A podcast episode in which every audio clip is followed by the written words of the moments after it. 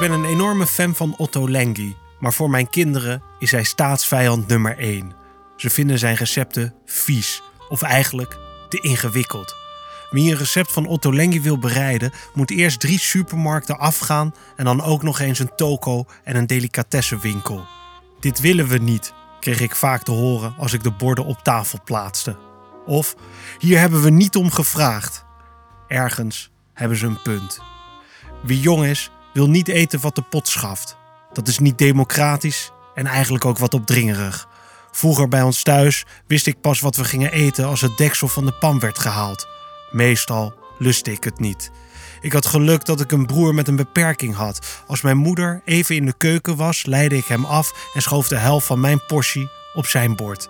Mijn broer is nu 7 centimeter langer dan ik. Sinds enige tijd betrek ik mijn kinderen bij het koken en de keuze van de gerechten. Ze eten nu vaker hun bord leeg. De Turkse snackbar om de hoek blijft evenwel hun favoriet.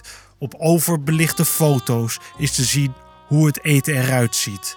Patat is patat. Een shaslik, een shaslik.